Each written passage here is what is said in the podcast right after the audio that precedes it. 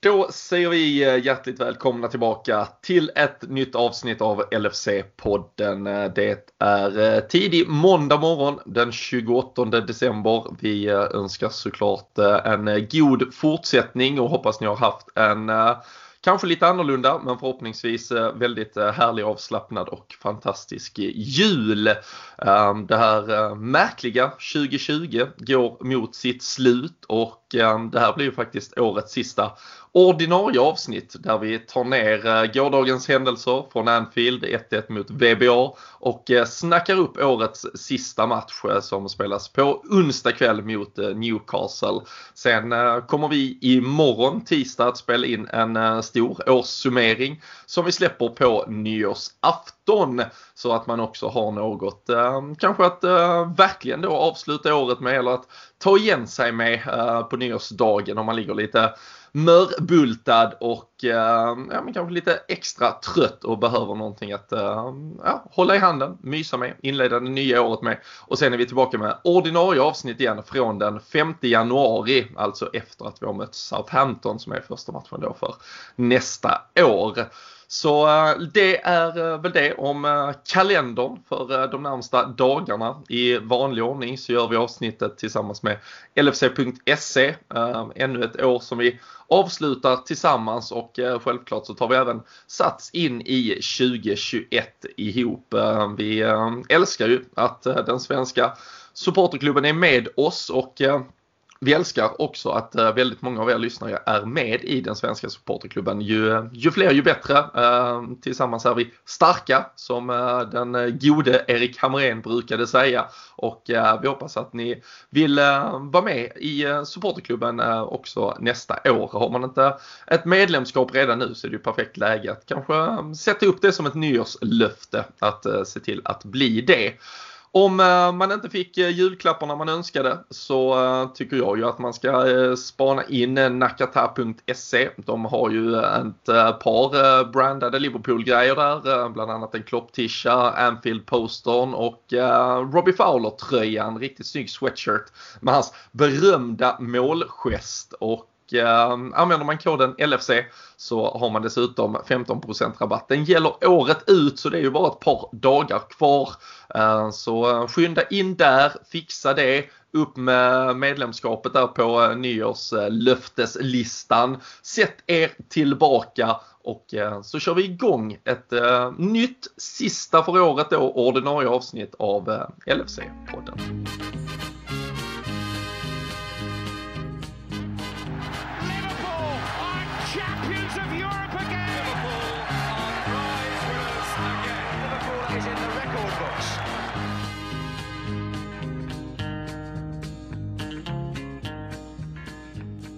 Jajamensan, det har eh, blivit dags att eh, i alla fall på det här lite då sedvanliga viset eh, där vi pratar ner en match, pratar upp kommande och egentligen alla händelser däremellan stänga ner 2020 och jag har sällskap av Christian Andersson och jag tror inte att just gårdagsmatchen kanske fick dig på bättre humör men jag hoppas att du har haft en bra jul Christian. Ja, det stämmer bra. Julen har varit bra och eh, avslutades kanske igår med lite mer besvikelse. Annars har det varit eh, riktigt fina toppar under julen med fina presenter och eh, ja, med familjen så, så, som det har gått att göra i de här tiderna. Så att det har varit en fin och relativt lugn jul men eh, matchen igår eh, gjorde ju inte att man kanske fick det man hade önskat till 100 procent. Nej, det, ehm, det, det, var kanske inte det som var överst på eh, önskelistan i alla fall. När man uh, satt, och, satt, satt och gnugga upp sina önskningar inför, uh, inför jul, ehm, uh, julfirandena i alla fall. Det var ju lite bättre förra året när vi då på riktiga klassiska Boxing Day spelade skjortan av Leicester där 4-0. Det var ju lite guldrycket på allvar det året egentligen. Ja absolut och ja, tittar man på matchen igår, det är som du säger, man har ju suttit och väntat på den. Man firade jul med vetskapen om att man skulle möta West Bromwich på hemmaplan och känna liksom att ah, det blir en perfekt avslutning. Men eh, nej, det ville sig inte riktigt. Och när du nämner den matchen mot Leicester förra eh, julen och den här perioden som var så, det var ju en fantastisk tillställning och hela den perioden var ju det. Så att eh, nej, det går att jämföra lite men så uselt är det ju ändå inte när man faktiskt tittar på det lite krasst.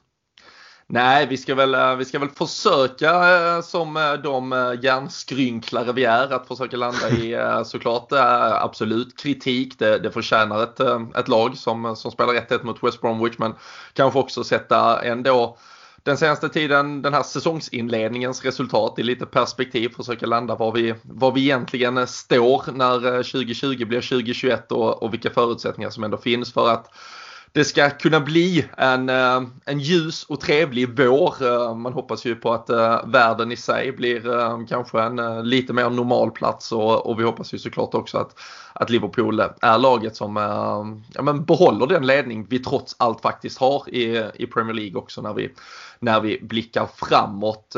Men det var ju annars liksom upplagt verkligen för klang, jubel, succé kändes det som.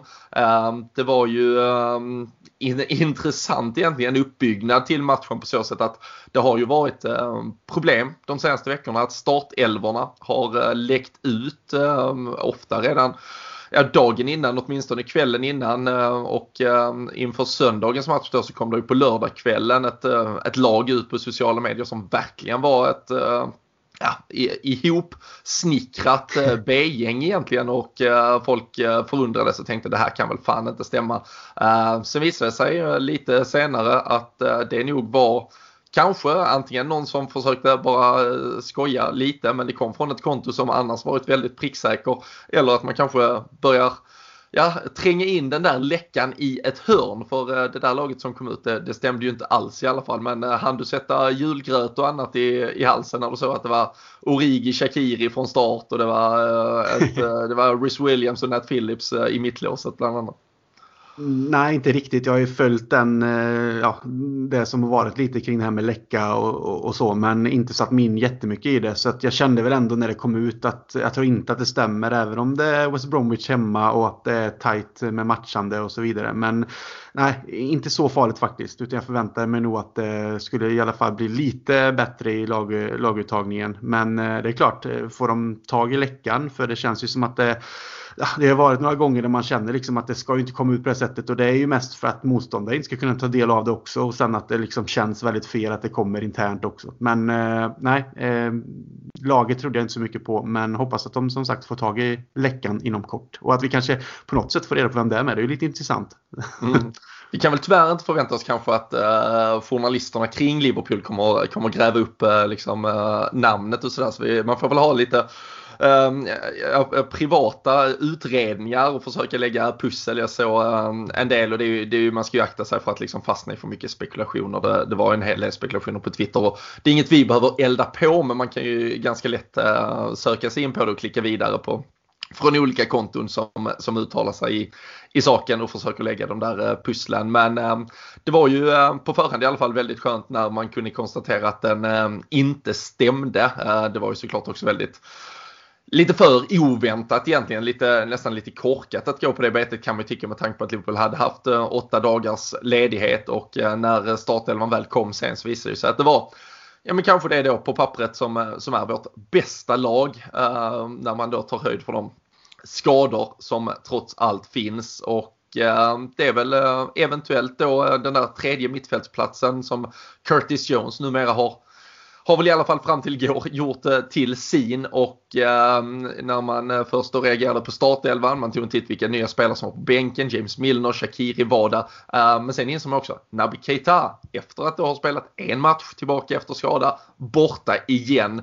Eh, det börjar ju bli ett ohållbart ehm, ja, ett, alltså vi, det går ju inte längre att ha att göra med. Klopp suckade ju egentligen bara när han mötte pressen både före och efter matchen och sa att ja, det är något med någon muskel igen. Typ. Ja, och vi har ju diskuterat det tidigare också att det är jävligt synd att det, att det blir så med Keita eftersom att han har mycket fotboll i sig. Det såg vi innan vi köpte honom. Vi såg det stundtals under, ja, under de säsongerna vi haft han med. Men förra säsongen när vi vann också. När han eh, kom in och gjorde en del mål och han var viktig i vissa stunder.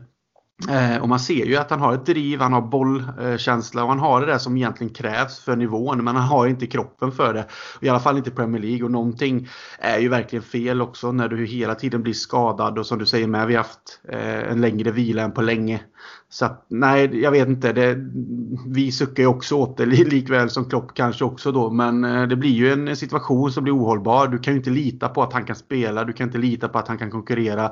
Du kan inte lita på att han kan vara med på bänken och göra skillnad. Eller du kan inte lita på att han för den delen med form kan gå in och, och spela och, och, och göra ett jobb för laget heller. Så att det blir ju hela tiden en känsla av att Kommer det finnas en Keita med i de här planerna eller inte? Så du måste hela tiden bolla med en tanke att du måste ha en, en ersättare till honom och då blir det hela tiden en oro och fel i planen genom att det alltid är skador. Så att, precis som du säger, tiden är nog inne att faktiskt försöka, tyvärr då blir det väl kanske att rea ut honom för att det kan inte är jättemånga klubbar som är intresserade av en så skadebenägen spelare heller, även om han har de kvaliteterna han har. Så framtiden ser vi inte så ljus ut för honom, så vi får se vad som sker.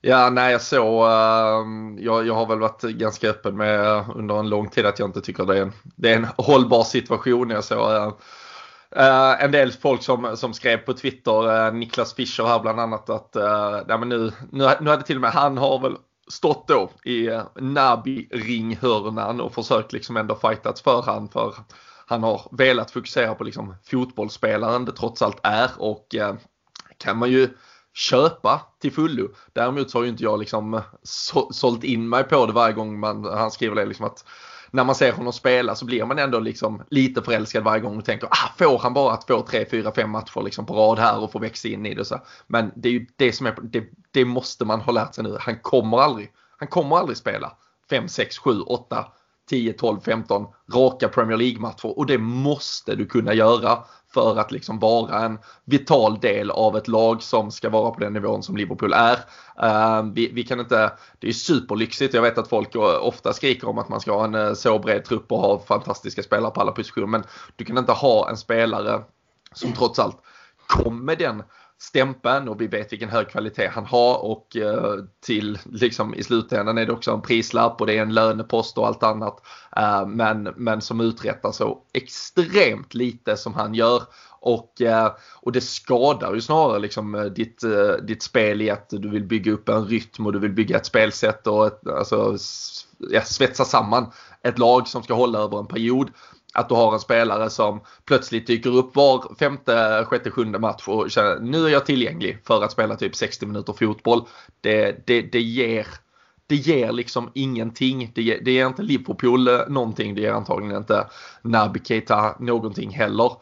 Um, så oavsett egentligen den eventuella högsta nivå som ligger där och den tycker jag också har, har egentligen bleknat med tiden. Jag tycker inte han får ut så mycket så att det ens Eh, att, det ens kan liksom ehm, ja, förklara eller liksom ehm, ursäkta eh, hans avsaknad av speltid eller liksom att han inte är tillgänglig. Utan ehm, nu har vi nått eh, liksom vägs ände där, där han fyller ingen som helst funktion och vi, vi måste helt enkelt hitta ett sätt att att bli av med honom för det, eh, ja, alltså det är ju klart han kommer ju sitta på bänken de få gångerna han är tillgänglig eh, tills dess att vi har en möjlighet att sälja honom.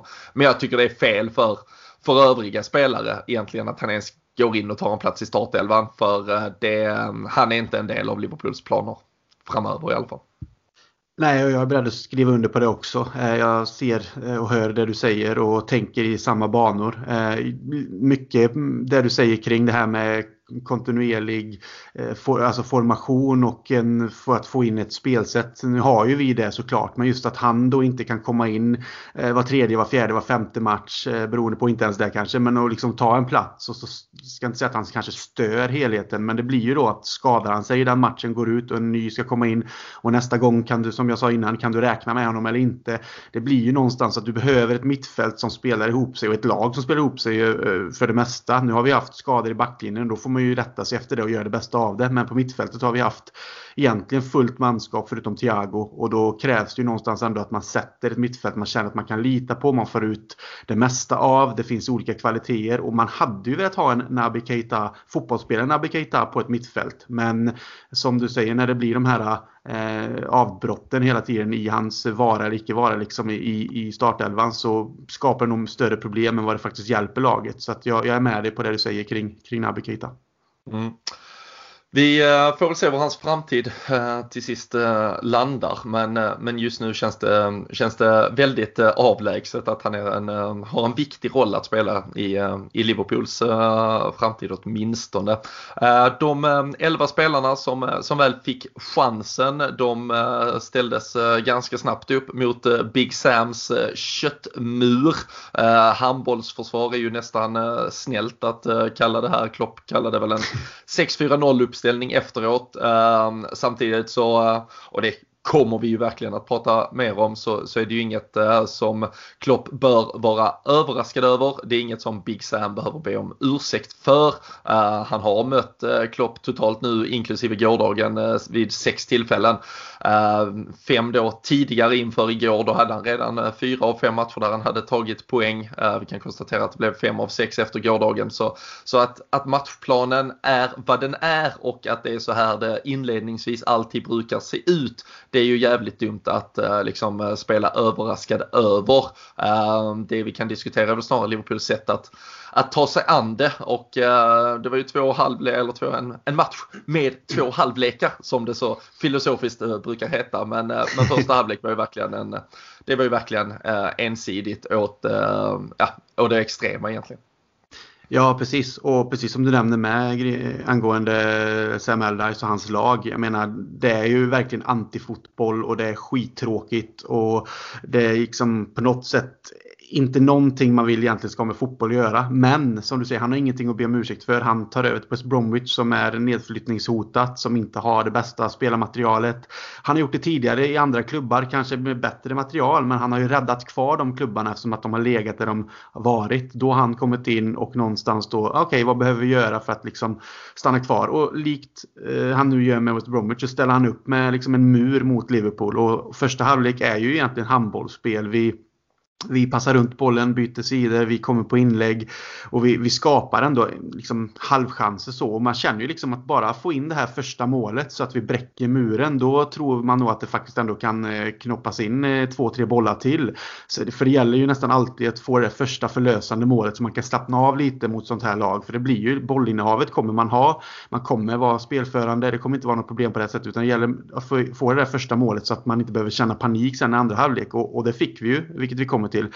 Men eh, just första halvlek så kände jag väl någonstans att ja, men vi löser det här. Skittråkigt att titta på på ett sätt men eh, vi bryter ner dem och eh, det krävs bara att vi har lite kreativitet och finurlighet i anfallet så, så, löser vi det. Och det kom ju som sagt med ett fruktansvärt snyggt mål och det var då det kändes som att ja, men det här blir inga problem. Mm. Nej, och man kan väl, alltså du är inne på alltså, det här med att, att kritisera Sam Man kan liksom konstatera, ja det är rätt så tråkigt att titta på, det är fine. Men eh, som sagt, eh, det finns ju inget att be om ursäkt för. Eh, det är en gameplan så, så god som någon och eh, antagligen den, den mest effektiva när de möter Liverpool. Hade, hade han gått ut och försökt spela, spela fotboll 11 mot 11 över eh, liksom, eh, full plan eh, så, så bör Liverpool vinna en sån match ganska enkelt. Nu, nu hittar man ett sätt där man där man ändå jämnar ut oddsen eh, någorlunda. Och, eh, och det är alltså, det, det, det är jävligt eh, kanske fel ord att påstå att man invänder, men det är ju just det här. Förr tycker jag det var det här viktigt att få det första målet för då, då öppnar matchen upp sig lite. Det, det gör det ju inte längre. Alltså då, många lag ser inte ens 1-0 som en, som en chans. Det vet jag pratade om redan efter till och med Leicester-matchen. Alltså Leicester är ett lag som jagar oss bara liksom hack i häl i tabelltoppen. Men när de kommer till Anfield, släpper in 1-0, skitsamma. Vi behåller vår gameplan.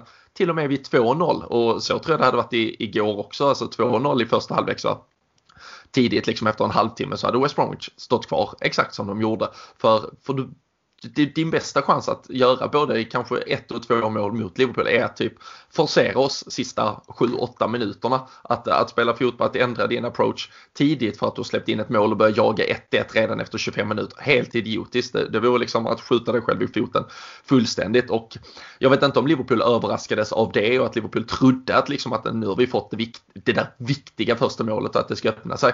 Um, jag tycker att Liverpool i andra halvlek borde ha kommit ut och liksom inte, inte vaktat poängen men liksom förstått att alltså, så länge vi har 1-0 så är det ju fortfarande tre poäng till oss. Eh, tills dess att vi kan liksom hitta väldigt bra möjligheter att gå för 2-0 målet så kan, kan lika bra vi rulla lite boll här.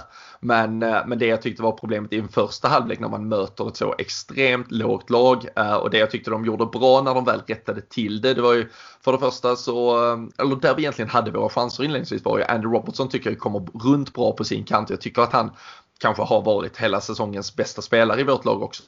Däremot så får de lite ordning på det och framförallt i andra halvlek så stänger de ju honom men även mot, mot slutet av första så får de lite bättre ordning där. Och sen så styr de ju att Jordan Henderson får stå och slå alla eh, passningar i stort sett. Eh, det var ju många som gjorde sig lustiga över att eh, Jordan Henderson hade typ 85 passningar i första halvlek medan West Bromwich hade 46 men mycket kan ju sägas om Jordan Henderson men det är ju inte att han är världens bästa passningsspelare från den där centrala positionen. Hade vi haft Thiago Frisk så kan vi ju bara liksom sitta här och dregla över tanken på att det är han som hade suttit, eh, suttit i det eh, läget istället och slått de bollarna. Men, men när det är en sån fotboll mot ett sånt försvar, nu Kanske, uppenbarligen, får man väl kanske utgå från att eh, Shakir inte var redo att spela alls. Han byts ju inte ens in. Men, men det är ju en fot som är fan så mycket bättre i det läget. Vi har sett Fabinho stå i det läget och slå, slå bollar bakom backlinjer. Um, gjorde ju egentligen ett ja, men lite identiskt mål mot Manchester United när han hittade Mané på, på lite liknande sätt som vi hittar nu. Men, men Jordan Henderson är inte urtypen av spelare som hittar de ytorna och uh, får han stå och slå, jag tror det landar på totalt 170-180 passningar i en match då kommer du som motståndarlag ha en ganska bra chans att, att kontrollera det. För uh, det, den där sista avgörande passningen, den är han absolut inte bäst i ligan på. Han är, han är bäst på jävligt mycket, men just det där är, är inte hans främsta styrka. Nej, eh, det jag tycker att Jordan Henderson gör bra, eh, förutom hans eh, kaptensroll och den eh, liksom pådrivare han är, så är han ju duktig på att styra tempo och byta, byta kant på spelet. De eh, diagonala bollarna har han ju bevisat att han besitter och att man har tyckt att, att liksom han har ändå eh, på något sätt förbättrat sitt eh, passningsspel över åren som har, eller under åren som har gått. Och det tycker jag han är bra på. Men när han får liksom mer, som du säger, tid på sig och ska slå de här eh, bollarna in på ytor så vissa, vissa gånger såklart eh, har han bevisat tidigare att han lyckas med. Men han är ju inte den som verkligen har den kanske exakta känslan att få bollen exakt där han vill. Och det håller jag med dig. Att han är, han är bra på jävligt mycket annat och han, han gör det okej. Okay, men han är inte Thiago och han har inte kanske den eh, känslan i det. Även om såklart han är en duktig passningsspelare. Men eh, det blir också fel tycker jag när han får stå och slå de här bollarna. Men jag tycker att rörelsemönstret överlag var för dåligt också. Mm. Så att eh, även om han får stå och slå passningar så är det ju också en, en trio där framme som på något sätt eh, tillsammans med andra mittfältare. Det, det kändes som att man inte riktigt löpte för att skapa ytor. Och det är ju jävligt lätt för ett West Bromwich att bara flytta med hela tiden när man är så kompakta och låga. Om det inte ställs frågor som gör att en försvarare liksom inte riktigt vet i ett läge och ta ett snabbt beslut. Vem ska följa, vart ska gå? Så att det blir de här eh, misstagen, både individuella men kollektivt. Och där tyckte jag att Liverpool måste bli bättre när man spelar mot sådana låga försvar. Inte bara mot West Bromwich utan mot andra lag också. Där har man ju möjligheten att okej, okay, nu ska vi springa åtta runt de här killarna för då kommer de bli som yra höns som man så fint kallar det. Men jag tycker ju inte att Liverpool utnyttjar det och då blir det också fel. Eh, för gör man det så tror jag också att andra bollar från, från till exempel Henderson nu som slår så många bollar faktiskt dimper ner rätt. För det är jäkligt svårt för han att lägga en boll kanske ibland in bakom när försvara hela tiden får försvara rätt och följa med i rätt yta och hålla koll på sin gubbe. Är man mer fysiskt eh, större och längre än till exempel Sala, eh, även om man är till exempel bra på huvudet och Firmino och så vidare. Men står man rätt och får eh, försvara rätt, då är det inte så svårt i det här läget om man ändå är ett Premier League-lag trots att man spelar den här typen av fotboll. Så att det blir liksom ett antiklimax där. Att vi rör oss inte tillräckligt, vi är inte tillräckligt kreativa och Henderson blir också den som får slå alla avgörande bollar och det blir inte kanske Trent eller Robertson på det sätt som vi har sett innan som har kanske känsligare fötter och när man kommer runt på kanten och får spela in mer i löpningar. Vi hade några sådana eh, möjligheter men tog inte riktigt vara eh, på det och sen som du säger så stängde de ju Robertson också och eh, Trent fick inte riktigt till det heller och då blev det Henderson som slog dem och så stod vi där med Eh, den typen av passningar och eh, icke-kreativitet i, i liksom eh, offensiven och då blir man ju också frustrerad för man märker att även om ja, vi kommer ju som sagt, vi pratar om målet och allt det här, men man märker ju matchbilden ser likadan ut hela tiden. Ingenting förändras och man satt ju med en känsla, i alla fall jag efter 1-0 att fan, får vi inte in en boll här så uppstår säkert en skitsituation och så tappar vi poäng här och ja, det, det kommer vi till sen också. Mm.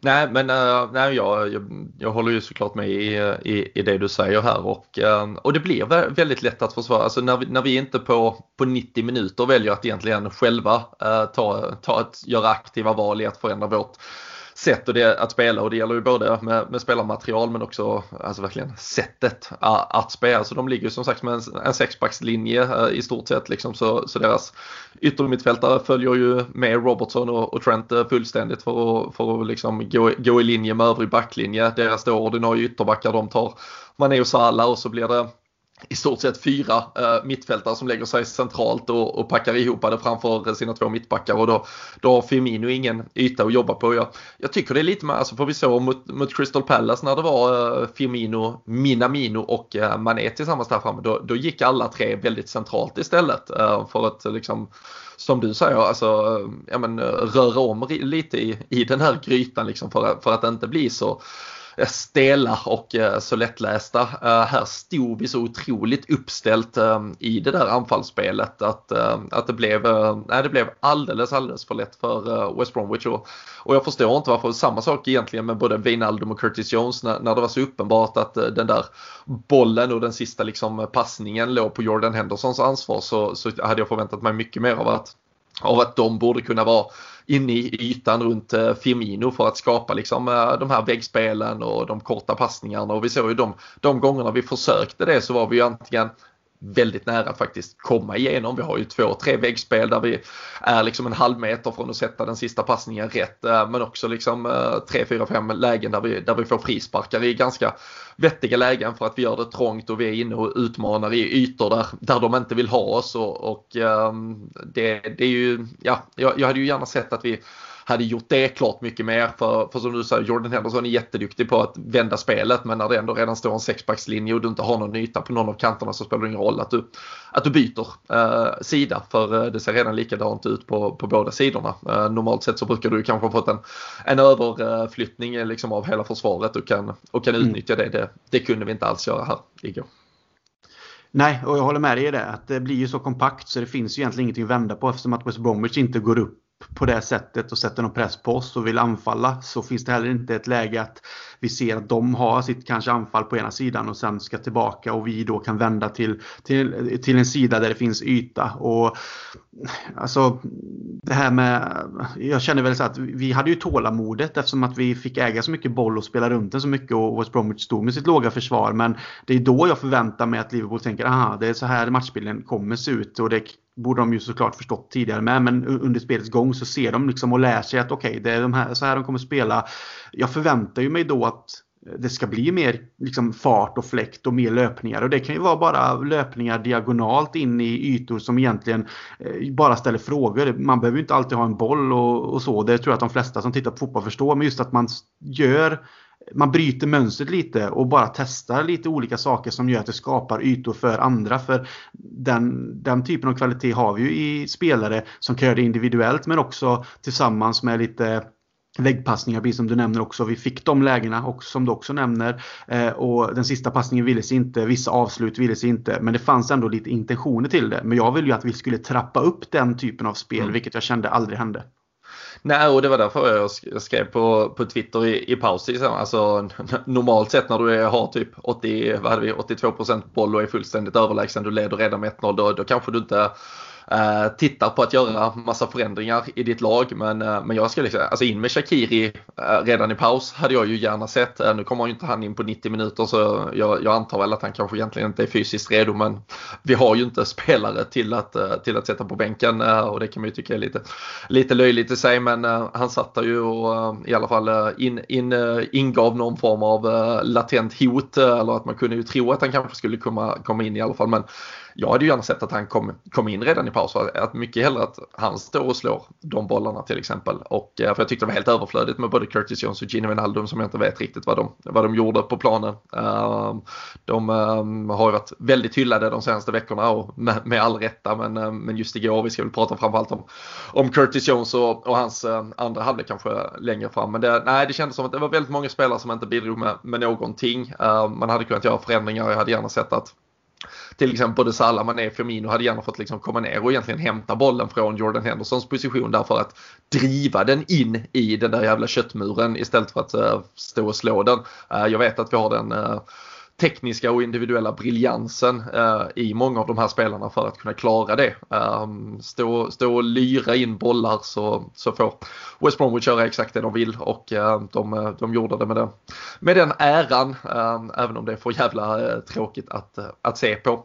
Men äh, 1-0 i paus, Manés mål har du nämnt. Äh, Matip med assisten äh, igen, mm. hans andra assist på två matcher. Äh, och Mané får göra mål igen. Och höll sig även till sin eh, nyfunna målgest som han fick av eh, Scousern Lee. Eh, det var ju snyggt den här kyssen på fingrarna eh, upp i luften. Eh, bara en sån sak. Det, det, det uppskattas men eh, ja, snyggt mål men, eh, men inte svårt att egentligen ta det till sig så här i, i efterhand när resultatet blir som det blir. Ja, det är ett fantastiskt mål egentligen. Jag menar, bollen från Matip är ju det är en bra passning, men den är ju väldigt hård och med all rätt också såklart för att få in den i rätt eh, tid och yta också. Eh, det är ju någonting han avväger, men det Mané gör genom att ta emot den bollen på det sättet och sen hinna vända upp och slå till den på ett innan den dimper ner i backen är också tekniskt eh, liksom briljant av honom och det är ju omöjligt för en målvakt att, att ta. Och som, som vi nämnde innan, när, när det målet kom så kände väl jag att Ja, du nämnde det också, men det här med att vi gör det första målet. Sen hade väl jag inte förväntat mig att eh, West Bromwich kommer börja anfalla. Det var ju mer den här känslan av att får vi bara det här målet så kan vi ta det lugnt. Vi, då, då, kan vi liksom ha tålamodet trots att jag ville att kreativiteten som jag sa skulle öka. Men då hade vi målet och vi behövde inte eh, börja stressa fram det eh, som vi sedan såg längre fram i andra halvlek och det inte riktigt funkade alls då utan det var mer en känsla skönt vi har målet. Nu kan vi spela vårt spel, hitta våra ytor, göra det vi vill. Eh, men det kändes ju som att eh, laget inte riktigt ville det. Och Eh, ja, nej, snyggt mål, skön eh, känsla där och då. Men som du säger, med den andra halvleken sen så tog det ju bort hela eh, ja, glädjen för det målet ändå. Då. Mm. Ja, för det var ju ändå ett eh, West Bromwich eh, som kom ut med lite annan eh, gameplan. De, de flyttade upp positionerna lite åtminstone, började spela lite boll. Kanske framförallt då att de i omställningsspelet faktiskt försökte sätta den på en spelare och kanske ta ett par meter. Det var ju länge i första halvlek där de egentligen vann de bollen så slog de bara upp den i tomma intet och så fick vi gå ner och hämta den och så kunde vi börja om igen.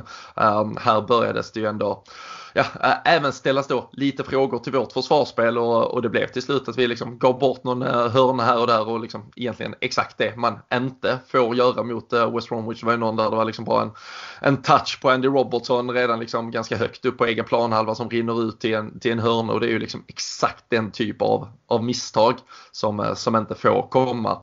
Och eh, sen precis innan timmen så eh, går ju även Joel Matip sönder. Eh, jag tror det var många av oss i alla fall eh, män som har spelat fotboll som trodde att det var en eh, boll som hamnade i ett visst parti där det kan göra väldigt ont för det ser ut som en sån där akut smärta egentligen. Men det visade sig väl tyvärr då egentligen för, för det långa loppet att det istället var uh, en ljumske som antingen en sträckning, någon form av uh, bristning, vi vet inte omfånget uh, men på egentligen samma diskussion som Naby Keita så så är det återigen då en Joel Matip som nu spelat någon match här uh, borta igen. Uh, han klev ju av skadad uh, i paus mot Fulham, kliver av nu igen och Visst, när han spelar fotboll eh, så eh, brukar det vara liksom en alltid godkänd eh, insats men det är ju jävligt svårt att bygga en trygghet och stabilitet kring någon som man vet kan gå sönder bara det blåser lite sydvästlig vind på honom.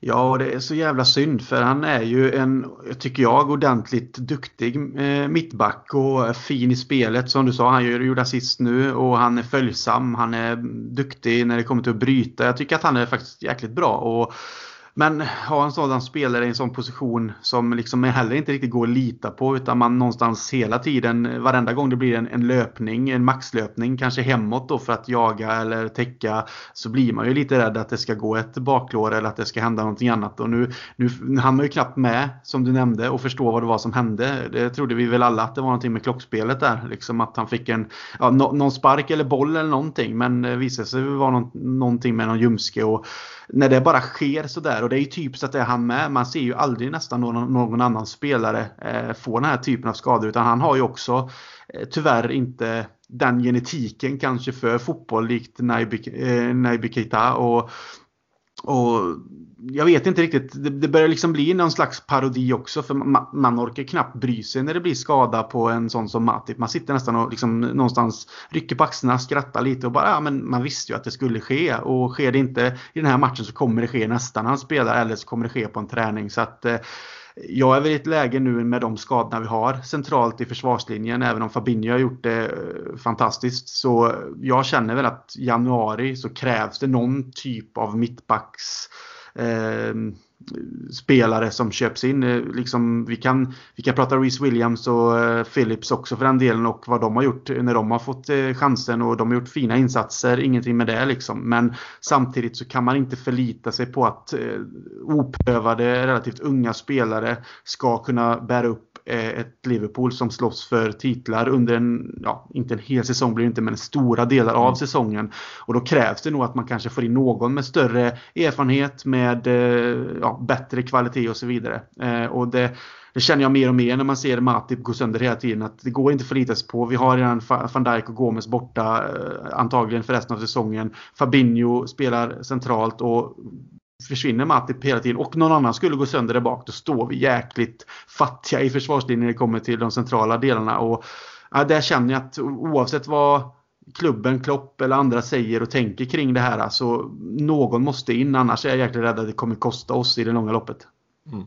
Nej, nej, men jag, jag håller fullständigt med. Och äh, det, det, finns egentligen ingen egenskap hos en fotbollsspelare jag hatar mer än att du är lättskadad. Alltså det är därför jag har så otroligt svårt för äh, Naby Keita. Jag har så otroligt svårt för Joel Matip äh, egentligen. Alltså det, det, är jättekul när de kommer in och gör något äh, för oss som de gör liksom var, var femte match ungefär. Och, men men det, det ger en sån otrolig frustration och, och jag tycker också just det här att, att till och med alltså, gå i sönder mitt i matcher, vilket eh, i just de här fallen båda de spelarna också tenderar att tyvärr göra. Ehm, liksom, eh, liksom, Matip har gått i sönder de eh, två av tre senaste matcherna han har spelat med två olika skador. Eh, det gör också att du, du kastas rakt in i, ja, men i, i en limbo liksom mitt i matchen. Eh, Mm. Rhys Williams och Nat jag, jag var väl också lite överraskad att, alltså med tanke på att det var fortfarande en jävligt, alltså förhållandevis liksom ensidig match. Jag, jag var rätt förvånad över att Klopp skyndade så extremt med byte, liksom bara kastar in en ouppvärmd Rhys Williams uh, från insidan. Visst, han, han gjorde det helt okej okay mot Tottenham, även om han är ju den som står fel när uh, Son springer igenom. Han är också den som är på väg att ge Bergwijn det, det friläget som, som Tottenham hade kunnat vinna matchen på. Uh, så det är ju klart att det finns juniormisstag kvar i honom och eh, liksom att bara kasta in honom. Eh, när, när det var så uppenbart att vi, vi hade så egentligen fram tills dess bra koll på matchen tyckte jag var konstigt uh, i sig. Uh, det kanske, kanske var rätt var men jag hade liksom tyckt att som mot Fulham egentligen, alltså vi, vi hade så bra kontroll på saker och ting. Man hade kunnat spela Jordan Henderson i den uh, rollen åtminstone ett par minuter för att bara låta allting sätta sig. Han hade kanske till och med kunnat fortsätta där. Vi hade kunnat stärka upp vårt mittfält istället där jag tyckte att vi hade ett större problem egentligen. nu så, så får ju egentligen West Bromwich ett sådär ypperligt läge. Vi slänger in en, en, en Junis som till viss del är kanske lite nonchalant. Det kan man ju tycka är lite charmigt med Rhys eh, Williams spelstil och det finns ju någon, någon form av eh, van Dijk light-vibb eh, såklart även utseendemässigt som, som hjälper till med det. Sen är han tyvärr äh, inte särskilt snabb och äh, de är ju på väg att springa ifrån honom både en och två gånger ganska tidigt. Äh, det är väl också att han kommer in lite ouppvärmd i händelserna men det, det blev ju en säkerhetsrisk direkt och då kan man ju såklart vara kritisk mot Rhys Williams men jag tycker också man kan vara kritisk mot att Klopp kanske väljer det valet och, och så landar det ju någonstans på att den här jävla Matip går i sönder så jävla Det ska inte hända. Du ska inte vara en mittback och gå i sönder två av tre matcher utan att du får en smäll. Alltså det är så, alltså Thiago, van Dijk, de kan inte hjälpa att de skadade sig för de blev överfallna mot Everton. Men att du inte liksom kan jogga utan att din kropp fallerar när du är liksom professionell fotbollsspelare. Det, det gör mig så jävligt irriterad och det förstör bara för laget. Um, det, det, det, går inte. Jag, nej, jag det, det frustrerar mig något så, så kopiöst och, um, och jag, som säger, ja det, det är pissat eh, liksom från, från Matips sida att, att det går och det, nej som du säger, vi måste ha in eh, en annan mittback. Och eh, alltså fan, kolla. De får jättegärna vara bra på att spela fotboll, men kolla för fan överst på listan att de har liksom en, eh, en karriär bakom sig utan skador. För jag är så jävla trött på spelarna. Alltså det, det är samma med Shakiri, Oxley, de här spelarna kunde inte bry mig mer. Alltså skepp, skeppa varenda en av dem. Alltså, är du inte tillgänglig för att spela fotboll så har jag ingen användning av dig i, i, i liksom mitt lag i alla fall. Det, nej, det, och det är också därför jag älskar vår fronttrio till exempel, för de är, så, de är fan tillgängliga alltid. Det är därför man älskar Gino Wijnaldum, det är därför man älskar Andy Robertson. Det var därför jag älskade en Luis Suarez låt mig spela. Alltså här, här var det en diskussion om att vi gnäller på Sadio Mané för att han liksom blir sur över att bli utbytt. Jag får fan hellre spelare som blir sura att de blir utbytta än att spelare som sitter och ber om att bli utbytta för att de har gått i sönder varje jävla vecka. Så nej, äh, skeppa hela den här jävla, fyll sjukhus, ambulansen, skeppa ner den äh, någonstans och flyg iväg dem från Liverpool hela högen. Trött på det.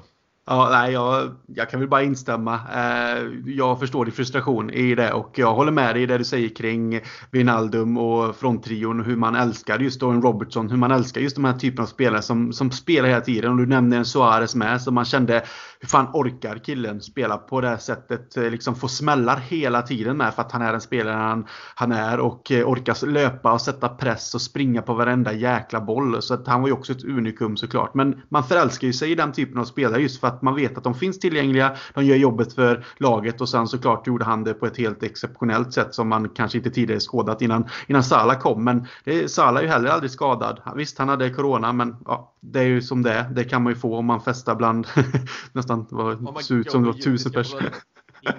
Ja, precis. Men det är Sadio och Firmino också. De, småskavanker kan de få och det är inte konstigt. Men det är ju aldrig så här långtidsskador eh, och sen får man väl liksom ta i trä för att man inte sitter och jinxar någonting nu. Men en sån som Wijnaldum är som bara liksom 100% varje match hela tiden tillgänglig. Och det är, det är fysiken. Vissa har det, vissa har det inte. Man kan ju gå till sig själv. Man har spelat fotboll. Jag har alltid haft skador. Nu har man aldrig spelat på de nivåerna överhuvudtaget. Men jag har alltid varit en sån som skadat mig lätt. Och då valde man bara, jag skiter i det här för det är inte värt det. Sen eh, är det klart att Eh, spelar man proff, professionell fotboll och tjänar stora pengar och är i de här typen av klubbar som Liverpool är, som en Matip till exempel. Men någonstans måste man ju själv känna, ska jag orka hålla på med det här? Orka hålla på och rehabba och komma tillbaka efter två, tre veckor eller någon månad, spela en match, bli skadad, göra samma igen, spela två matcher. Alltså, jag vet inte riktigt psyket där. Det är klart det krävs ett psyke också, men fan alltså någonstans måste man ju bara känna, fan det här är ju skitsamma. Och eh, många har ju fått lägga av med sina karriärer tidigare på grund av att eh, de är skadeförföljda. Men i Liverpool, om vi nu går tillbaka till det och har de här typen av spelare som man inte kan lita på.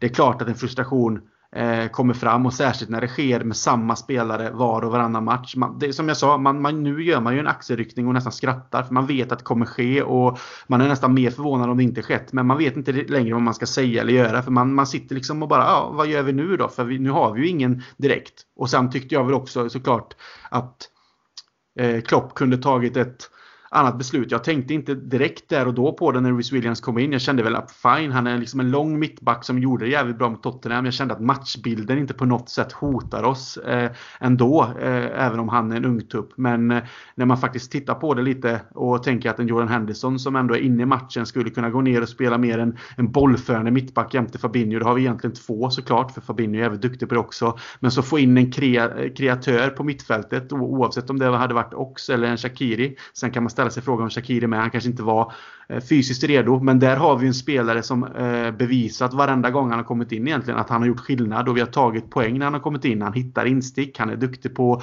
att eh, väggspela, han har bra skott, han är duktig att slå in bollar i ytor så han har ju det i sig. Och Oxlade är ju en typ av spelare som också är, är bra på att hota både med skott utifrån men slå eh, väggspel och komma i, liksom löpande in i yta och dra isär försvar. Så det finns ju där men allting kommer ju för sent och som du säger, här får man nog vara lite lite kritisk till Klopp över, överlag sett hur matchen faktiskt ändå artade sig. Vi hade allting men vi gjorde ingenting för att någonstans göra det till våran match.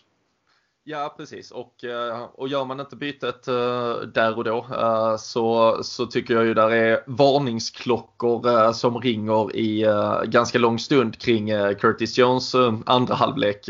att där han borde ha plockats av för, för länge sedan egentligen. han fick med rätta jättemycket hyllningar efter Tottenham-matchen. Eh, jag tycker han har varit eh, väldigt bra under väldigt många stunder när han har spelat den här hösten och liksom jag har stått, stått, stått först i, eh, i ledet med att liksom sjunga hans lovord. Men i, i sättet som det blev, alltså han har ju och det är ju antagligen det som kommer ta honom eller som har tagit honom till den här nivån. Det är det som kommer göra att han mycket väl eh, liksom etablerar sig som en eh, riktigt, riktigt, riktigt bra Premier League-spelare eh, inom ett par år. Men eh, han har ju en enorm liksom, tro på sig själv. En, eh, en kärlek till både sin, sin egen prestation och också till bollen så att säga. Liksom en, en arrogans som kan vara eh, skönt skausig men, men också otroligt frustrerande i en i en match som igår där det handlar om att bara kanske göra ditt jobb och liksom eh, få, få ut maximalt av de få chanser som ändå bjuds. För, för han har ju han har, varje gång i andra halvlek öppnar sig ändå matchen lite lite mer. Vi har ett par hörnor som sagt emot oss där vi får omställningslägen istället för att se, alltså där vi vet att många spelare sätter den. Vi sätter den direkt på Mané och Salah när de stiger. Då ska han kladda på den, det ska dribblas fram och tillbaka en och två och tre gånger. Han ska vända ut och in och plötsligt så har West Bromwich fått exakt det de vill. De har fått återsamla sig, de har liksom ställt upp igen i den här jävla köttmuren. Och, eh, och chansen är, är bortblåst. Och ehm, det är ju lite liknande läge när eh, vi till slut också ger bort eh, 1-1 målet. Och ehm, det är ju Trent som liksom, vi får bollen, vi, ska, vi har en, en, en någorlunda chans till att starta ett ganska snabbt anfall. Men istället så dribblar Curtis in i boxen, eller in i boxen, in centralt igen i alla fall precis framför eget straffområde. Tar alldeles för många touch. Eh, hans första och andra och tredje egentligen liksom passningsläge försvinner. Det blir någon halvdan eh, passning eller egentligen att försöka bara slänga bort bollen till, till en annan yta. Och eh, med lite styrningar och skit så, så måste vi ge bort en, en hörna. Vilket vilket är liksom, ja, får de, får de tre, fyra stycken så, så har de i alla fall en jävligt bra målchans antagligen. Och, och till slut så gav vi dem så många chanser att de till slut fick den, uh, ja, den utdelning de ville. Sen är det ju marginaler, det, det är stolpe och det är väl en touch på Allison och det är in liksom med millimeter bakom bortre stolpen till slut också. Men uh, det får inte vara så. Det får inte vara så lojt i det Alltså det, det enda man okej okay, om vi inte hittar nycklarna för att själv göra fler mål. Men hitta för fan i alla fall liksom, eh, lås i alla fall säkerhetsdörren bakåt för att inte ge bort någonting. Det där, det tycker jag att och där tycker jag att det var väldigt tydligt att den som eventuellt skulle ge bort något på, på vårt mittfält i alla fall var Curtis Jones. Och där, där tycker jag det var jävligt dåligt av Klopp att inte plocka av. För nu blev det istället att han plockar av honom i stort sett är det minuten efter han har gjort misstaget. Så uppenbart gett bort det. Och då blir det ju liksom psykiskt knäckande på ett helt annat sätt. Jag, jag tycker det är jävligt dåligt av Klopp att han inte plocka ut honom tidigare i alla fall. Eh, ja, och jag håller med dig för att jag kände detsamma. Eh, just Curtis Jones har fått mycket beröm och han är en eh, stor talang och jag tror absolut att han kommer bli jättenyttig för Liverpool och etablera sig på ett mittfält förhoppningsvis i framtiden också. Han har jättemycket fina kvaliteter som jag gillar hos en fotbollsspelare men här träder väl oerfarenhet och valpighet fram också. Och som du säger kanske en, en, för stor tro på sig själv och ett självförtroende som har vuxit med de senaste insatserna såklart. Men någonstans är det väl någon, någonting man lär sig tidigt eh, som fotbollsspelare redan i, i barn och ungdomsålder. Att liksom inte eh, kladda med bollen och inte centralt in i banan och inte på egen planhalva nära det egna målet och så vidare. Utan då, fin, då finner man eh, första eller andra passningsalternativet relativt fort och så kan man eh, flytta fram spelet som du nu sa, att man sätter en offensivt såklart. Det går ju att hitta en annan en passningsalternativ neråt med, men du ska inte hålla i bollen och få press på dig och sen inte veta vad du ska göra av den, utan du har chansen tidigare. Och det uppstår ju en situation där Rhys Williams egentligen blir tvingad till att bara försöka gå upp och ta liksom, bort bollen ur yta och den då går till hörna istället och så uppstår en hörna.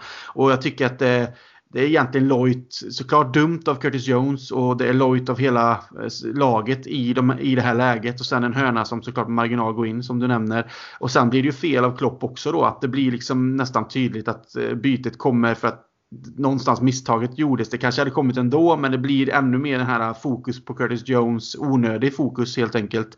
Och sen som vi nämnde tidigare så hade det egentligen varit fog för att han gick av tidigare för att hitta mer kreativitet på mittfältet. För jag tyckte också att han tappade boll i andra lägen. Offensivt också. Där det var mycket kladd på bollen. Och man tycker liksom att fan nu blir det en dum omställning här. Där kunde man liksom passa tidigare eller gjort ett annat val. Och det är såklart alltid lätt att sitta i soffan och tycka och tänka. Men när man ser ett mönster av det under en match där man märker att det funkar inte riktigt för dem. Då, då är man ju ändå någonstans i den tanken att Klopp absolut ska se det mönstret och plocka av honom tidigare. För jag tycker liksom att han fick inte så mycket uträttat och det var en del misstag och så. Och då förväntar man sig väl att det ska bli ett byte eh, tidigare och nu blev det istället ett misstag som kostade oss. Och ja, jag vet inte. Samtidigt då när man ser sen och det var det jag nämnde tidigare. När vi liksom hade 1-0 målet då hade vi möjligheten och allting i våra egna händer att göra vår egen match av det. Nu när det blev 1-1 så stod vi sedan därefter med den här typen av stressspel som jag märkte också någonstans smögs in i, i, i alla egentligen och i hela laget. Att vi, vi började chansa med vissa bollar. Vi fick inte riktigt till det och det kändes krystat helt enkelt. All det här,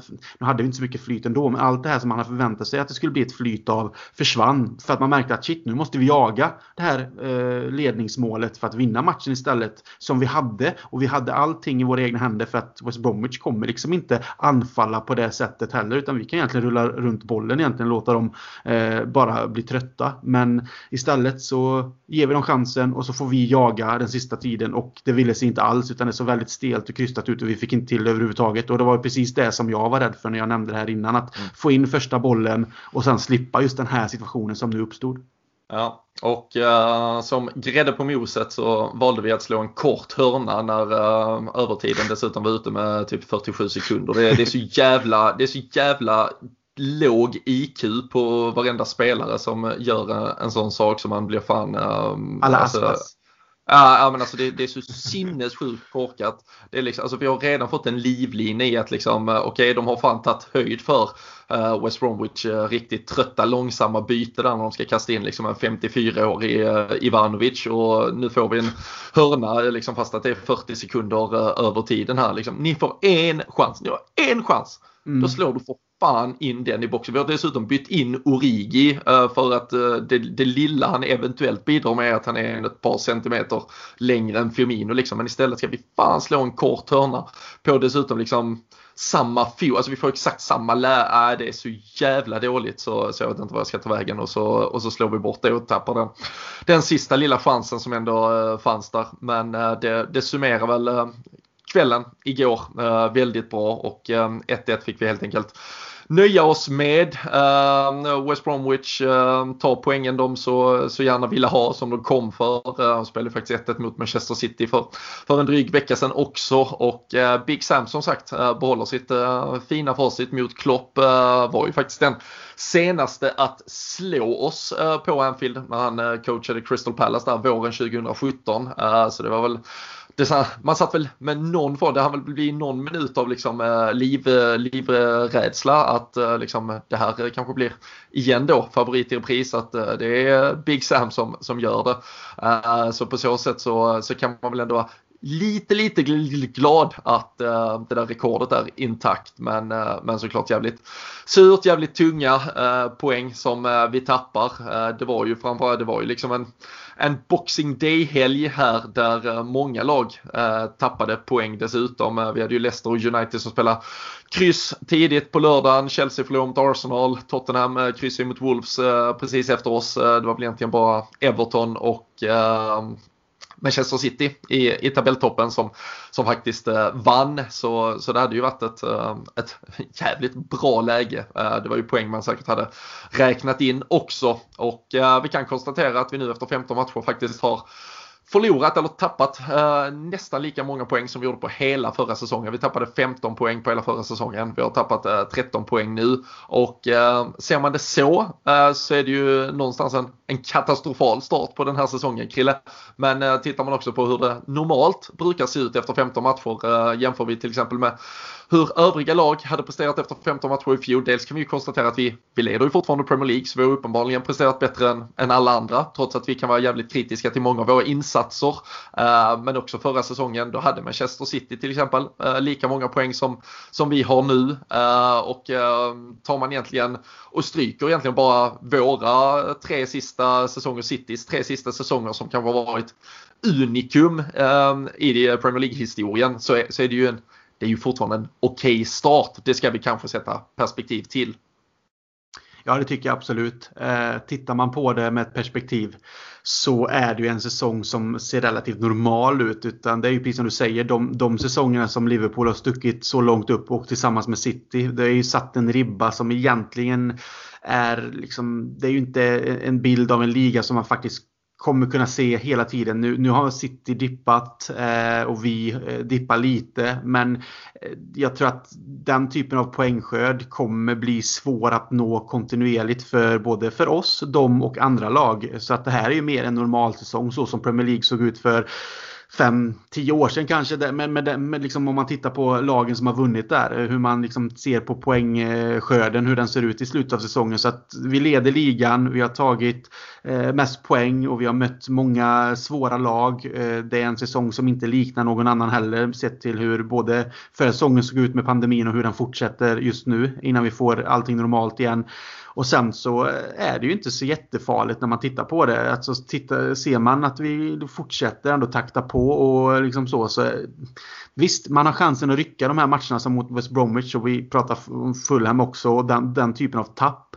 Eh, det är idiotiskt och det är dumt och det är frustrerande när man får chansen. När andra lag lägger upp det åt oss och vi inte klarar av att göra det jobbet. Det känns nästan som gamla tider när man satt och pratade om det här. Men men ser man bara på det som du säger med perspektiv och tittar på det så det är inte hela världen. Vi, vi leder som sagt ligan och vi taktar ändå på med ett poängsnitt som ser helt okej okay ut sett till hur det ser ut också överlag i, i resten av tabellen. Så att man kan vara lite orolig för de här insatserna men det hade varit mer oroande om andra lag hade börjat dra ifrån oss och vi låg på en femte, fjärde plats och inte riktigt hängde med. Då, då hade det varit en helt annan historia men här och nu står vi fortfarande som ligaledare och det gäller ju egentligen bara att ta nya tag och glömma de här insatserna och hoppas att vi kan göra det bättre. Och med eh, något nalkande ljus där framme och att en Thiago snart är tillbaka också. För jag tror att med den typen av spelare i, på planen så hade det sett helt annorlunda ut både mot Fulham och mot West Bromwich. För där har vi världskvalitet på en position som vi inte riktigt har nu på det sättet som vi önskar.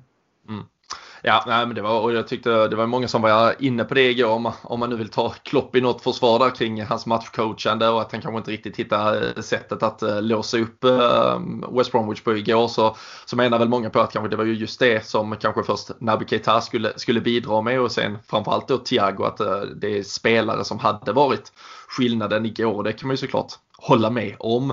Eh, sen kan man tycka att vi ska kunna hitta de lösningarna eh, även utan dem. Men eh, jag tror också så, alltså, minst lika frustrerande som det är för oss att inse att ah, vi bör ju såklart slå Brighton, det är liksom en straff eh, på övertid, Fulham, så där ska vi ju vara bättre, vi ska kunna få upp en bättre prestation.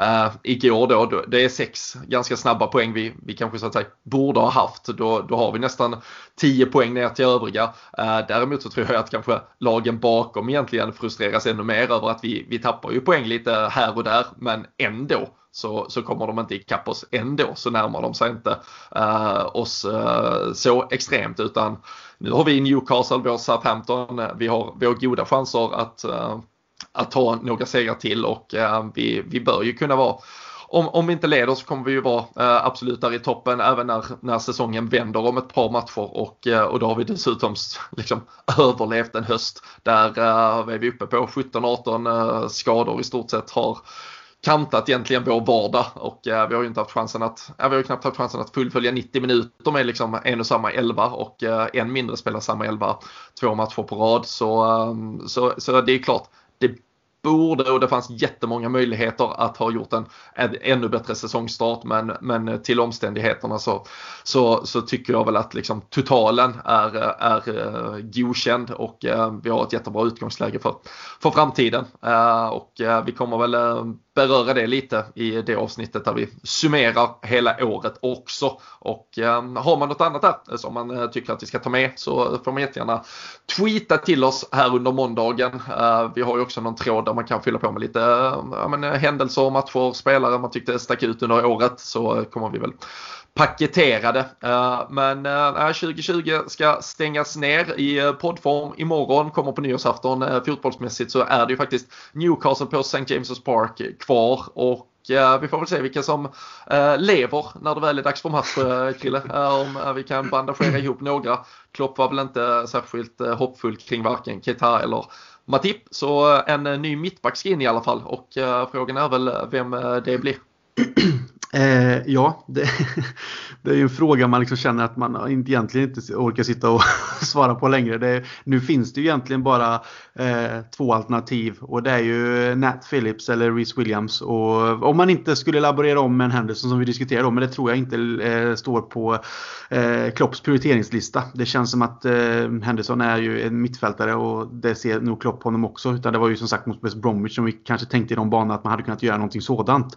Eh, men jag känner känner väl ändå trots eh, att Rhys Williams fick kastas in igår på det sättet och att han fick rensa bort en idiotisk passning eller försök till pass från Curtis Jones som sen blev hörna så tycker jag väl någonstans att han han har bevisat att han ändå har kvaliteten för att kunna spela som mittback i ett lag med de spelarna runt omkring sig som han har. Ehm, så jag ser nog helst honom faktiskt gå in. Jag, jag gillar ändå hans han kanske må inte vara den snabbaste, men jag gillar ändå hans längd. Jag tycker att han vinner mycket i luftrummet och på hörner har han ju visat sig också nicka bort en del när han har varit med och spelat som jag tyckte att oj, där nådde han högst igen liksom. Och det, det är också någonting man inte alltid får, eh, får underskatta utan det är jävligt viktigt att ha någon som kan vinna i luftrummet. Fabinho är också duktig på huvudet, men han har vi sett ibland kunna förlora några sådana dueller och då gillar jag att ha någon som faktiskt kan kanske vara den som går upp först på längre bollar och att Fabinho då ligger kanske lite mer i djupet eh, och tar andra bollar om det skulle vara vara så om inte Chris Williams vinner direkt. Så jag ser gärna han gå in. Jag vet inte riktigt vad, vad känner du om du får välja där?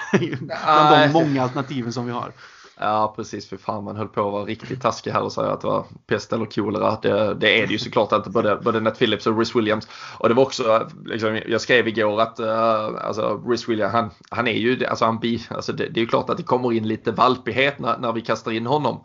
Uh, sista halvtimmen så var det någon som sa fy fan och liksom lägga kritiken på en, eh, en 19-årig mittback i. Alltså det är ju inte, det är inte kritiken, det är bara ett konstaterande. Uh, vill, ska vi prata om liksom Rhys Williams höst så har han redan gjort mer för för den här klubben än vad någon eh, någonsin liksom förväntade sig av honom kan man väl säga. Så han, har, eh, han har varit eh, otrolig i vissa matcher och liksom gjort jobbet väl mycket mer än vad man kunde förvänta sig och oavsett vad man kan tycka om liksom alla då individuella insatser. Han har trots allt varit på planen i 90 minuter när vi har besegrat Tottenham och han har varit på planen i, i flera jätteviktiga eh, Champions League-matcher och det, det, är ju, det är ju helt otroligt och det, det är ju bara att liksom hylla eh, att han har funnits tillgänglig för oss. Eh, däremot så tror jag, alltså jag, jag hade hellre eh, i så fall om vi måste välja mellan Nat Phillips och Rhys Williams hade jag hellre startat Nat Phillips eh, på, på onsdag mot, eh, mot eh, Newcastle. Uh, Callum Wilson är lurig jävel och kan springa igenom på det mesta de har ju även Joel Linton, äh, även om det inte är någon äh, superspelare, Andy Carroll kanske chockas med. Alltså, det var fortfarande tio år sedan han gjorde sitt senaste mål för Newcastle faktiskt. Sen har han ju såklart varit på lite äventyr i många andra klubbar. Jag tror det var 36 eller 37 matcher för Newcastle utan mål. Men det hade ju inte förvånat en om han stängde igen 2020, det här jävla skitåret med att sänka Liverpool på någon hörna. Så jag hade nog hellre ändå fått in Nat Phillips, även om jag är beredd att faktiskt eh, liksom, eh, själv gå i god för att eh, jag hellre hade sett Jordan Henderson. Det hade varit eh, kanske sjukt att eh, välja två egentliga eh, mittfältare och ställa där. Men eh, det, det hade, jag, jag, tror vi kommer ha en ganska liknande spelbild. Det kommer nog inte vara så extremt defensivt från Newcastle. Men Newcastle mötte City här för några dagar sedan. De har Leicester efter dem och oss. De vet att det här är tre matcher där de, alltså får de med sig typ en, två poäng så har de fått med sig mer än vad de förväntade sig från, eh, från det här juluppehållet. De vilar liksom Caleb Wilson mot City för de vet att de typ inte har en chans att, att vinna matcher utan eh, de kommer gå jävligt defensivt och bara ha eh, alltså försöka egentligen göra samma sak som West Bromwich gjorde. Eh, jag tror vi kommer kunna spela och diktera väldigt mycket av eh, villkoren på, på onsdag. Så jag hade gärna, och det, sen samtidigt så handlar det också om vilka mittfältare som är tillgängliga. Oxlade kanske inte är redo att starta, Shakiri kanske inte är redo att starta, Thiago, vi vet inte. Det pratades lite om att han kanske kan vara i truppen på onsdag. Mm. En dröm hade ju varit att man kanske liksom hade kunnat få in ett mittfält då med Wijnaldum, Oxlade och Thiago. Och då har, man ju, då har vi ju råd att flytta ner Jordan Henderson, men, men det är inte säkert att vi har det. Så um, äh, det, det handlar väl oh, som så många gånger för den här säsongen om, äh, om vilka som är tillgängliga till uh, syvende och sist. Det, det brukar vara det som uh, ganska mycket ger startelvan när, när Klopp väl... Det är, inte, det är inte jättemånga tuffa beslut han har behövt ta i alla fall den här säsongen kan vi, kan vi konstatera. Nej, det är inte de här besluten kring liksom vem som kanske presterat bäst på träning under, under veckan eller har gjort någonting eller är i form utan det handlar mer om vem som är tillgänglig just i de lagdelarna. Men så länge vi har en eh, fronttrio som är intakt och vi kan få ihop ett mittfält som ändå känns, hade ju varit underbart att se Thiago men jag förstår ju också om det skulle vara för tidigt. Är han i truppen och på bänken, ja, då är det ju jättefint att kanske kunna slänga in honom liksom i andra halvlek eller någonting och ändå få se honom igen och se att han får liksom smaka på spelet igen och komma in i det för att han är ju en spelare man bara sitter och väntar på ska få sätta sin riktiga prägel på det här Liverpool-laget. Liksom när han värvades så var man ju helt salig och nu har man ju knappt fått se honom. Man har sett det lilla goda han har kunnat bistå med man ser vad som finns där. Men man har inte fått se det egentligen på något sätt bidra till den här säsongen ännu. Eh, så finns han med i truppen så är jag jätteglad. Men man vågar inte riktigt hoppas på det som att det har skjutits på relativt länge nu sedan han fick sin skada. Eh, och ja, jag, jag, är väl beredd att hålla med dig om att en Henderson såklart skulle kunna gå ner då. Eh, om det skulle vara så att det finns eh, eh uppbackning på, på mittfältet. Men eh, jag tror att vi kommer få se honom på sin vanliga roll och att det blir, ja, det blir antagligen Reece Williams eller eh, Nat Phillips som kommer spela mittback. Och även om jag förespråkar Reece Williams i det här läget så för mig är det kanske ändå som du också var inne på, jag ska inte säga pest eller kolera för det är taskigt, men egentligen kanske skitsamma. Mest handlar det om att vi har en spelare som är beredd att gå in och göra jobbet och att vi som lag och kollektiv kan gå in och liksom hjälpa till där då om det är en yngre, mer oprövad spelare och att vi på något sätt kan hitta våran matchbild igen. För precis som du säger så kommer antagligen Newcastle ligga lägre men med kanske starkare kontringskvalitet än vad West Bromwich har och det är ju där man kanske får se upp då så att det kanske krävs en annan lite typ av eh, matchplan från Klopp men eh, samtidigt ser jag väl det som möjlighet att vi ska kunna vinna även om jag alltid tyckt själv att Newcastle är en eh, liksom svår match mm. någonstans att känna. Det, jag vet inte hur våran vårt facit ser ut det senaste, men det känns Nej, alltid som en svår match, även om det kanske inte är det. Likt Crystal Palace kanske brukar kännas så. Ja men, ja, men lite så, jag, jag håller med dig. Alltså det är väl något sätt, någonting med historiken kring St. James' Park och att de en gång i tiden äh, var ett, äh, kanske äh, för, för, för, din och min generation liksom när man började eh, följa fotbollen mer slaviskt så, så var de ju där uppe i, om inte toppen så liksom och, och i alla fall utmana lite, lite så här, vad, vad kanske Everton och Wolverhampton och några andra lag är, är idag så var ju Newcastle precis där bakom eller ja, vissa säsonger var de faktiskt uppe och verkligen utmanade i toppen. Så jag, jag tror kanske vi är lite förblindade av det men uh, vi, vi vann ju det var ju sista matchen förra säsongen. Eh, då vann vi. Eh, säsongen innan dess var det ju näst sista matchen. Det var ju när Origi tryckte in 3-2 i, i slutet och vi eh, fortfarande hade lite guldhopp där inför sista, sista omgången. Så det, det har ju ändå blivit vinster. Men vi, det är absolut inga utspelningar. Det var väl tillbaka på Brendan Rodgers eh, glansdagar när vi var där och gjorde någon sån här 6-1 med typ eh, Sturridge och Borini och gänget. Det, Då var jag på var... plats faktiskt så det, kommer jag, det minns jag mycket väl. Ja, ja snyggt. ja. Vi, vi, kan väl hoppas på något liknande. Men vi, vi ska absolut skicka med något tips men vi, vi kan väl i alla fall faktiskt bara gå ut med att just mot Newcastle nu här och Southampton så tar tipstävlingen som vi alltid kör på Twitter lite paus. Vi, vi tänkte att vi själva unnar oss en dryg veckas eh, ledighet här över eh, nyår så att vi kommer tillbaka med eh, nya krafter från den 5 januari när vi släpper nästa ordinarie avsnitt här efter att vi gjort vår årssummering som kommer på nyårsafton. Men vi äh, gratulerar Henrik äh, Mekitalo. Han äh, satte 1-1 igår. Jag sa det är kanske inget att skryta för barnbarnen sen om att man har vunnit en mössa för att man tippade att Big Sam skulle förstöra fotbollen. Men äh, har man rätt så har man rätt och då gratulerar vi, lyfter på hatten. Och dessutom så har vi också här i juldagarna faktiskt på själva julafton dratt en vinnare från bland alla er som var med och bidrog till Musikhjälpen. Vår bössa där, den var på lite drygt 40 48 000 hade vi fått in eh, på julafton. Eh, den är ju faktiskt öppen eh, året ut så man kan ju fortfarande ticka in någon peng även om den här liksom officiella lilla tävlingen är väl, är väl slut så sett. Men Johan Ekberg skickar vi ut en Champions-tröja till också så det är en del försenade julklappar som ska ut från oss. Men eh, vi tar lite tipspaus här alltså mot Newcastle och Southampton för att samla kraft inför eh, det nya året. Men eh, vi vill ju gärna avsluta med seger Krille. Frågan är om det blir så. Vad skickar du med lyssnarna för tips inför årets sista match? Äh, vi måste ju ändå någonstans efter matchen igår ta oss lite i kragen och vi måste ju någonstans gå ut på topp eh, när vi går in i det eh, avslutade gamla året och går in i det nya året. Så jag får väl någonstans ändå landa i det så användbara 1-3 då. Så eh, Liverpool vinner med, med 3-1. Liverpool vinner med 3-1. Jag tycker väl egentligen det låter superförnuftigt. Med tanke på ännu en ny mittbackskonstellation så finns det väl alla möjligheter att det ändå blir ett mål. Hörnor, VAR, det finns många motståndare mot oss som kan uh, lösa det. Uh, så jag skriver under på 3-1 istället. Eftersom det inte är någon uh, tipstävling eh, på Twitter så, så, kan vi skicka med ett liksom, starkt gemensamt tipp härifrån istället. Um, Sadio Mané mål i två raka, får gärna bli tredje. Så vet man, Mosala mållös en match så är han redan frustrerad så han kommer säkert komma med lite vässade skor inför uh, onsdagskvällen där. Um, annars så eh, fortsätter Premier League redan idag, måndag, eh, då omgång 16 inleds. Eh, så det är väl bara att bänka sig och hoppas att man då klämmer av det här eh, avsnittet mellan alla matcher. Eh, det är ju fantastiska tider för oss fotbollsälskare. Lite tuffare för våra respektive, men det är bara att kämpa på och få ihop familjeliv och allt annat när det är matcher hela tiden. Men vi, vi njuter av det i alla fall. Vi önskar er alla som är med oss en, en som sagt god fortsättning och ett riktigt gott slut på på, det här året. Håll utkik i era poddspelare. Där kommer en stor årssummering av det som ändå blev titelåret 2020, det supermärkliga 2020 men vi ska försöka liksom ta, ta ner det, sätta känslor och ord på det.